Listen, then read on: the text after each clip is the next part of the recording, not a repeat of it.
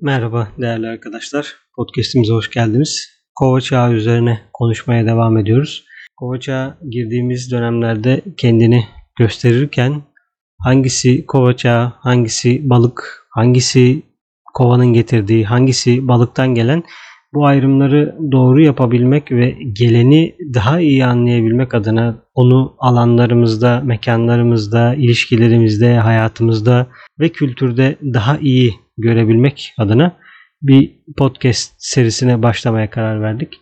Bu podcast de onlardan bir tanesi. Evet, kova çağına ilk olarak bir dişil enerjiyle giriş yapmak istiyorum. Çünkü kova çağı dağıtımı itibariyle dişil bir enerji dağıtımı. Tabii dişil eril enerjiler günümüzde ticari hale geldi ve batı işin içine girdi. Bunu sertifikalandırdı. Bunu kurslar haline, bunu kullanılabilecek, metalaştırılabilecek bir hale getirdi. Bu metalaştırma aynı şekilde materyalize etme zaten içinde bulunduğumuz Kali Yuga'nın yani maddenin en alt seviyesinin de özelliklerinden bir tanesi.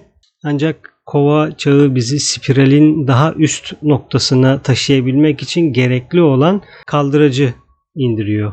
Bu bir çeşit geminin yelkenlerine donan rüzgar gibi düşünebiliriz. Şu an gemi kuma saplanmış durumda ve o rüzgarla birlikte tekrar yolculuğumuza bir üst noktaya doğru devam edeceğiz ama en alttan en üste geçmek ya da bulunduğumuz madde ile tanımladığımız ve maddenin içinde kendimize alanlar açtığımız bu yerden yukarıya çıkmak hiç kolay bir dönem değil. Çünkü tamamen maddeye, materyalize olmaya, ticarete, endüstriyelleşmeye batmış durumdayız. Şimdi buradan yavaş yavaş yukarı doğru çıkmamız gerekiyor dünya insanlığı olarak.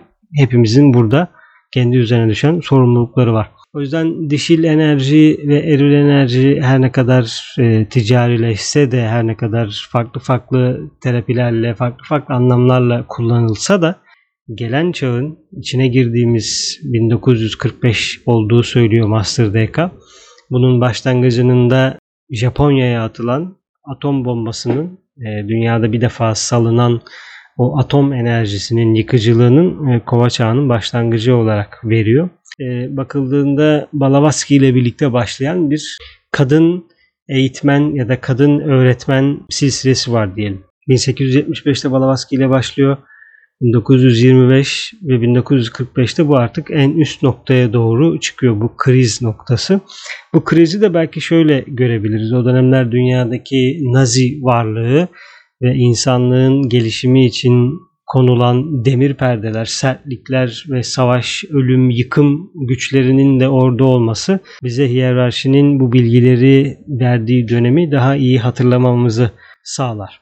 Çünkü e, o dönemdeki faşist yönetimler ya da e, sert uygulamalar ya da insanlık üzerine indirilmeye çalışan özgürlüğün ortadan kaldırıcı etkileri bize zaten karanlığın nasıl bir aşamada olduğunu da gösteriyor. Ancak bu bir aşamada yenildi desek de şu anda kendini farklı şekillerde gösteriyor. Çünkü o dönemde karanlığın içinde olan ruhlar tekrar enkarne olduklarında bu dünyada kendilerini nasıl gösteriyorlar ya da öğrenciler onları nasıl görmeli bu da ayrı bir konu. Dolayısıyla 1875'te Balavaski ile başlıyor. Alice Bailey ve Helena Roy ile birlikte 1950'lere kadar geliyor ve orada sonra 75 yıllık bir periyoda doğru gitmeye başlıyor.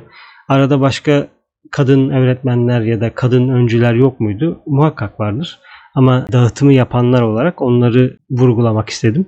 Dişi ve eril arasındaki ilişki daha çok kendini dinlerde gösteriyor. Çünkü dinlere de baktığımızda hep eril figürler var, eril bedenler var.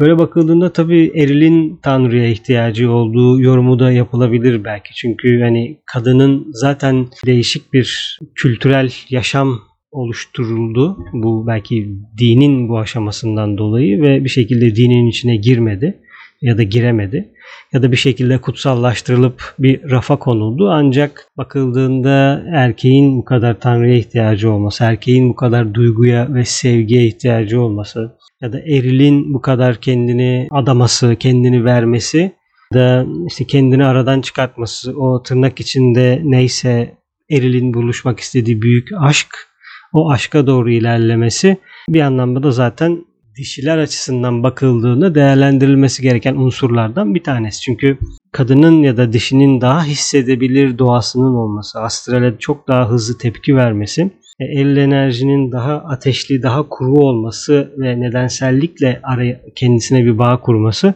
ama bu dönemin de dişi bir dönem olması bu dişil eril enerjisine bir giriş niteliğinde olabilir. Ve dinlerde yer almayan ya da kadın din içinde çok fazla kendini gösterememesi bir alan olmaması. Çünkü patriarç ya da Türkçesi patriklik var. Yani eril büyüklerin, erilliğin getirdiği bir e, silsile var. Değil mi? İşte İbrahim, onun oğlu İshak, onun oğlu Yakup, onun soyları, onun evlatları silsile bu şekilde gidiyor. Ancak bunun içinde gördüğümüz gibi hep bir e, eril bir figür var. Ancak eril figür artık kendini yavaş yavaş bırakıyor. Çünkü eril figür dünyaya bol bol savaş getirdi. E, barış getirmek için savaş getirdi. Kılıç kullandı. Böyle bakıldığında da kılıç zaten bir eril ifade. Kesiyor. Tabii bu daha yüksek bir şey için kesmesi gerekiyor ama daha yüksek bir şey için kesmek kolay olmadığından dolayı daha düşük bir şey için kesiyorlar. Dolayısıyla bu erilliğe ait olan bütün bu yaklaşımlar, bütün bu sertlik, e, adanmışlık, sulu doğa, kendini feda etmeyle ilgili olan şeyler yerini yavaş yavaş dişi dağıtımı bırakacaklar.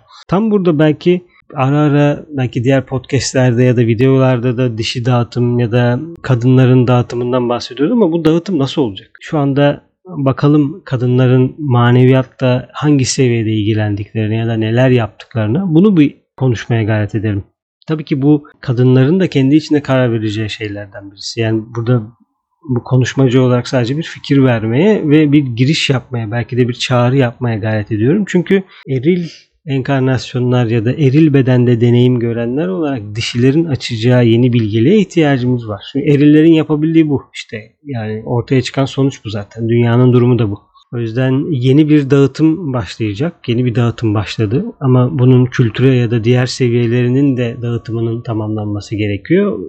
Ben de yoldaki ilerlemeye çalışan kişilerden birisi olarak yoldaki diğer kardeşlerime, diğer dişilere buradan çağrıda bulunuyorum. Yani yeni bir şeye ihtiyacımız var ve bu yeni bir şey sizin aracılığınızla geliyor. Ve işin içinde çok büyük de bir merhamet sıkıntısı var. Çünkü sağaltılması gereken bir eril de var bir taraftan. Çünkü üzerine konan başarılar, başarısızlıklar, kültürel şeylerin de değişmesi gerekiyor bir yerden. Bu karşısında matriarçlık yani kadının baskın olduğu, dominant olduğu bir dönem değil. Ancak yine eskiye bakarsak gizem tapınaklarındaki kadın rahibeler gibi. Yani ikinci kart Taro'nun Hirofant. Hirofant gizemleri elinde tutan inisiye demek. Tapınağın Hirofantı artık kadın olacak. Dolayısıyla işin içinde bir tapınak kurulması gerekiyor. Bilgeliğin kurulması gerekiyor ve o inisiyasyon içinde de hirofantların yetişmesi gerekiyor. Yani bizi ilerideki o inisiyasyon basamaklarına tapınağın tekrar kurulması onların kadınların dağıtımı, dişinin dağıtımı içinde olacak. Ama bu dağıtım nasıl olacak peki? Şu an kadınların maneviyattaki aşamalarına baktığımızda ya da giriş seviyelerine ya da nerelerde olduğuna baktığımızda gördüğümüz şey yoga.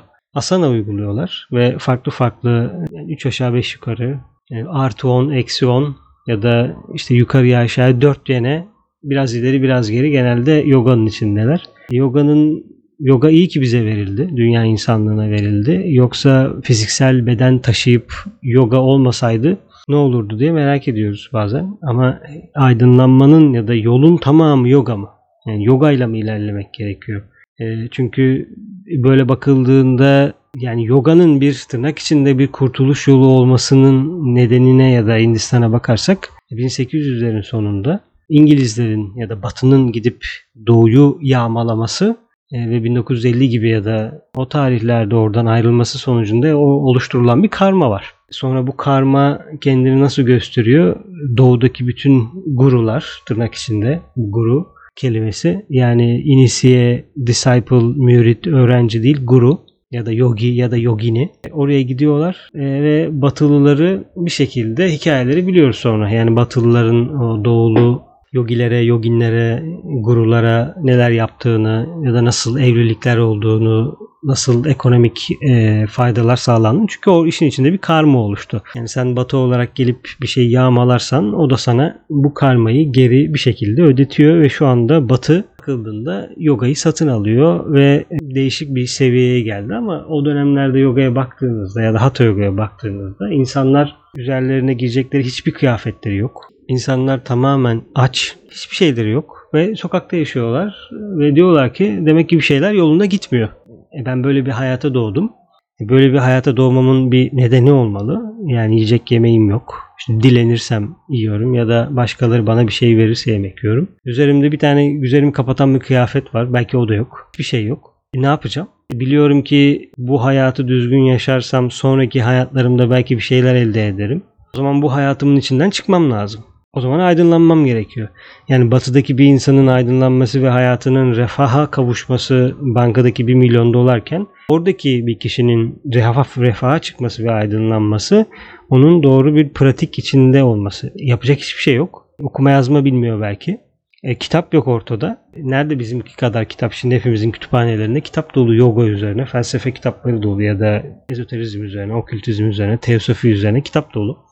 Tamam. Ne yapacağız peki? Yapacağı ne var? Seçeneklere bakarsak asana uygulayacak. Az yemek yiyecek, az konuşacak, doğru konuşmaya gayret edecek. Olabildiğince temiz olacak. Yapabildiği kadar. İşte önünde ganji varsa ganja girecek. O dönemler biraz daha temiz olabilir belki. E, pranamaya yapacak. Zaten doğal olarak yapılabilecek bir şeylerden bir tanesi. Doğru nefes alacak. Doğru nefes verecek. Bol bol güneş enerjisi alacak ve asana uygulayacak ve diyecek ki o bunların sonucunda zaten eterik beden birazcık kendine gelecek ve birazcık belki görüleri de açılabilir burada. Böyle 3-4 hayat geçirip sonraki hayatların daha iyi olmasını sevecek. Konu bu. Yogayı okuduğumuzda zaten yoganın yapılabilmesi için neye ihtiyaç var? Hiçbir şeye ihtiyaç yok. Hiçbir şeye ihtiyacın olmayan bir seviyeden seni birazcık bir seviyelere çıkartıyor. Dolayısıyla fiziksel seviyeden de başladığı için ve sen o koşulda olduğun için sen bunu bu şekilde bu seviyeden başlıyorsun. Ama şimdi batıda nasıl oluyor bu durum? Daha bir şey olmadan, bu anlamda içeriği olmadan.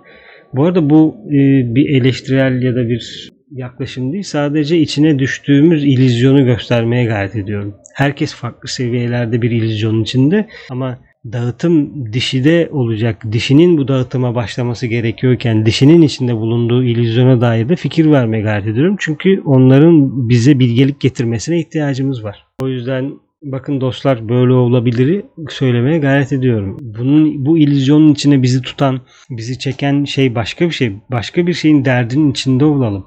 Yoga yine yapalım. Yani cebimize yine koyalım yogayı. Çünkü zaten fizik beden taşıyoruz. Bir şekilde vücudun yogaya ihtiyacı oluyor. Ama bunun nedenselliğini iyi kavrayalım. Niye bunu yapıyoruz? Tabii ki bu sohbet sadece yoga üzerine değil. Yani dişil ve eril enerjinin doğru ilişkiler geliştirmesi ve daha yüksek birliktelikler oluşturabilmesi için var ve öncelikli olarak dişil enerjinin de ilizyonun içinden kendisini çıkartabilmesine dair fikirler paylaşıyorum. Çünkü iki kardeşi yoldaki ilerleyen iki insanın birbirini uyarması gibi. Yani oradan çıkınca ya nedir yani maneviyata girilebilecek başka bir kapı yok mu? Yani bu mudur bizim maneviyata yaklaşım yolumuz? Çok keyif verdiği doğru. Çünkü ısınıyorsun kendini, ısıtıyorsun. Bu bir şeyin sonucu. Yani diyelim ki bir grup hatha yoga uygulasın ya da herhangi bir yoga pratiği uygulasın asanalı ya da nefesli. Üçüncü bir kişi işin sonunda diyecektir ki yoga öğretmenine ya da yönlendiricisine ne oldu? Ee, hareket ettiniz. Şimdi ne oldu? İşte insanlar uzanıyor Şavasana'da. Bu, bu niye oldu? Soğumaya geçtik. Biraz önce ne yapıyordun? Hareket yapıyordun, ısınıyordun. Şimdi soğumadasın. Peki niye ısındın? O zaman niye soğuyorsun? Çünkü yoga uygulamacıları da biliyor ki Şavasana'da da değişik haller yaşanıyor. Değişik seviyelere gidilebiliyor, gelinebiliyor görümler alınabiliyor. Tabi ısıtmanın karşılığında belki eşit miktarda soğuma sağlandığı için, kanın ısındığı için bir yerde ki terliyorsun. Ki ısınmanın da ne demek olduğunu konuşmuştuk. Sonuçta kavga ederken de ısınıyoruz. Koştuğumuzda da ısınıyoruz. Ama bizim normal halimiz belli bir soğuklukta olmalı. Çünkü insanın normal hali belli bir sıcaklıkta. Ama biz bazı eylemlerden dolayı, kırmızı ile alakalı eylemlerden dolayı kendimizi ısıtıyoruz, soğumaya geçiyoruz. Eğer o yoga pratiğinin amacı aydınlanmaksa ve senin normalin de mavi ise soğutuyorsan kendini o zaman niye ısıtıyorsun? Ya da neden o seviyede ısıtıyorsun? Çünkü tamamen kırmızıyla gidemiyorsun. O zaman niye kırmızıyı kullanıyorsun? Eğer seni aydınlatan şey mavi ise o zaman maviyle aydınlan. E, çok büyük bir soru işareti geldi. Ama bunu nasıl satacaksın ki? Eğer maviyle aydınlanıyorsan. Çünkü mavinin doğasını incelersek batı kafasındayız tabii bu arada çünkü 200 saat 400 saatte de sertifikalar nasıl aydınlanacağız? Ne diyeceğim ma- maviyi nasıl satacağım paketleyeceğim sat. İşte bu arada bu bir yaklaşım metodu yani yoga pratiğinin içinde maneviyatla ilerleyen ama aynı şekilde de dişinin dişi kardeşlerin daha yüksek seviyelerdeki bilgilerine ihtiyacımız olduğu için bunları söylemeye gayret ediyorum. Yoksa yapılan pratiklere bir şey deme hakkı zaten bende olamaz. Çünkü herkes kendi karmasına, kendi ihtiyacına göre, kendi nedenselliğine göre bir şeyleri çek. Ancak illüzyonun içine kapılmayalım. Çünkü çok güçlü bir şekilde materyalist güçler o çağının bizim daha yukarı çıkarabileceğimiz seviyelerini almamıza izin vermiyor demeyelim ama bunun için koyabildiği kadar engel koyuyor. Koyabildiği kadar engel koyuyor. Yani yoga sokaktaki insanın hiçbir şey olmayan insanın aydınlanmasıydı. Ama şimdi bizim her şeyimiz var. E, tırnak içinde okuduk, yazdık. Ne bileyim yani dünyadaki en zararlı insanlar, en okumuş insanlar. Değil mi? Yani en güzel üniversitelerden mezun oluyorlar. En güzel kıyafetleri giyiyorlar. En güzel yemekleri yiyorlar. Mis gibi kokuyorlar. Saçları, sakalları, saç neyse boyalı, tıraşlı. Çok düzgünler. Ayakkabıları güzel, kıyafetleri güzel. Her şey parlak. E ne bileyim 3-4 dil konuşuyorlar falan ama gidiyorlar bir yerlere savunma füzesi satıyorlar. Bir yerlere silah satıyorlar. Öldü öl- ölüm satıyorlar yani. Öldürmekle ilgili şeyler yapıyorlar ama bu insanlar çok gelişmiş insanlar. Ama bakıldığında insanlar diyor ki yani benim oyum e, dağdaki cahil adamın oyuyla bir mi olacak? Dağdaki cahilinle senin arandaki fark ne?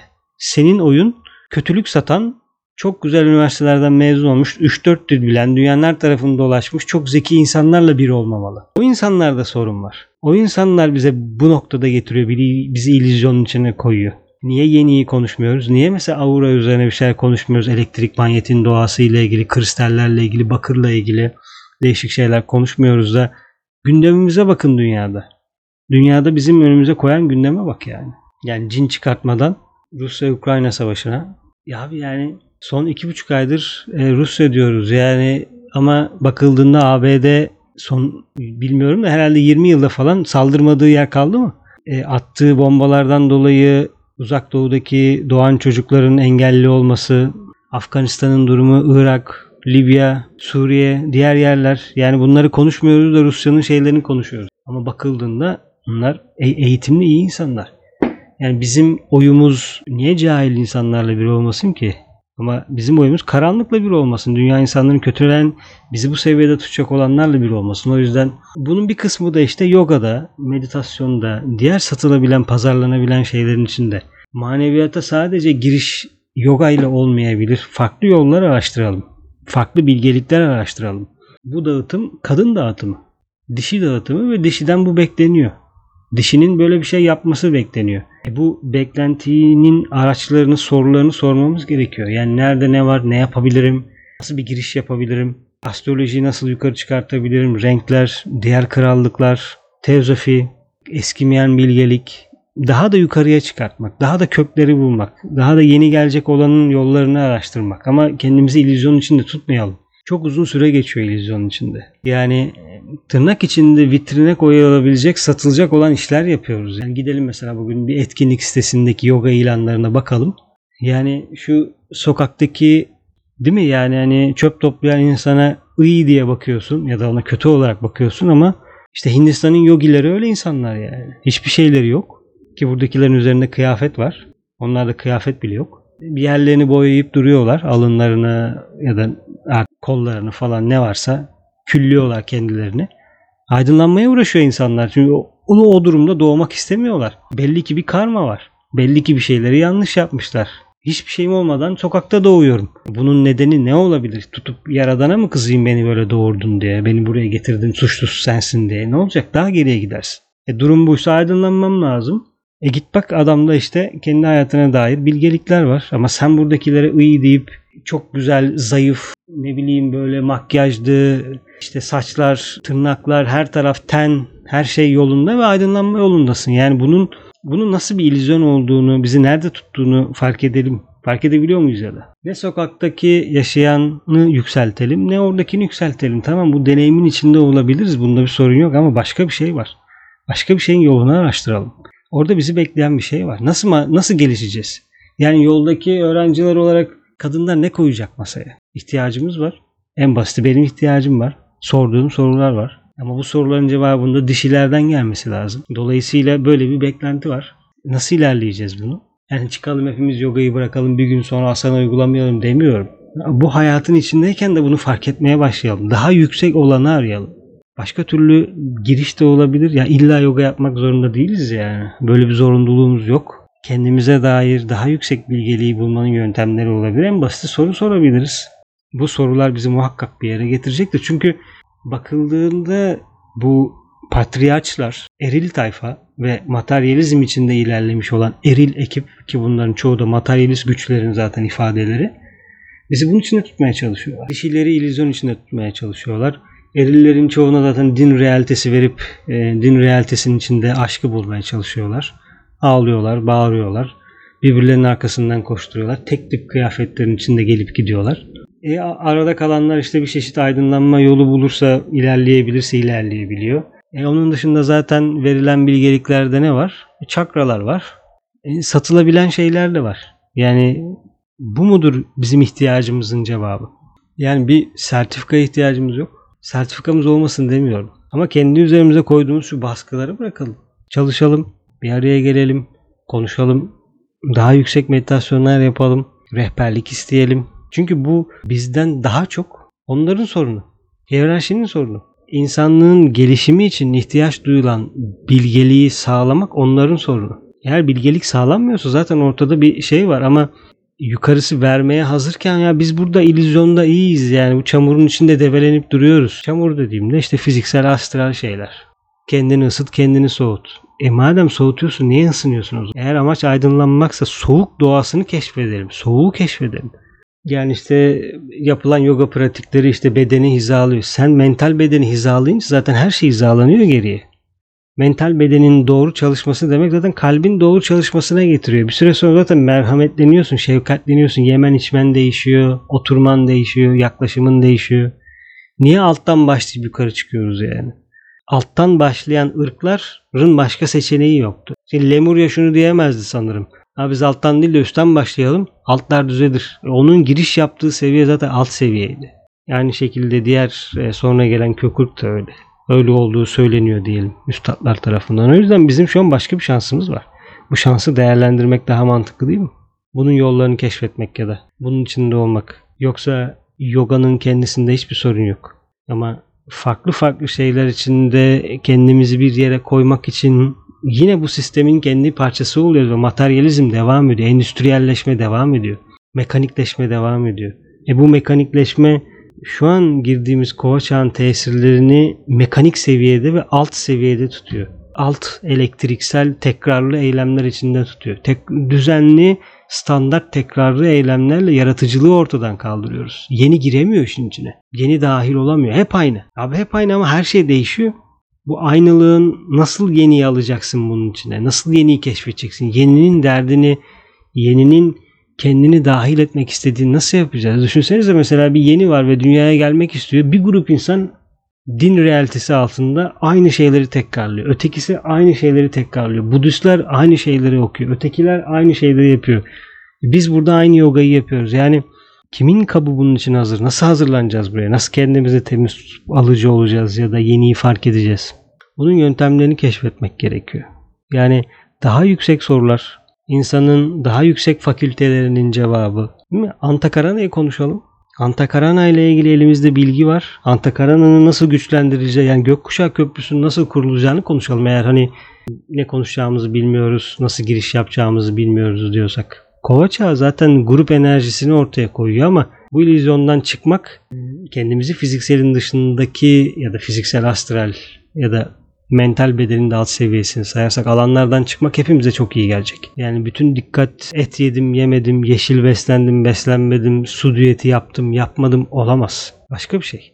Onlar sonraki şeyler. Sonuçlar işin en kolay kısımları yani. Fiziksel bedende şimdi tatlı yesen de olur yemesen de olur. Yani yemiyorum bitti bu kadar. Yani bu bu bu 10 saniyelik bir konu ama mental beden 10 saniyelik bir konu değil.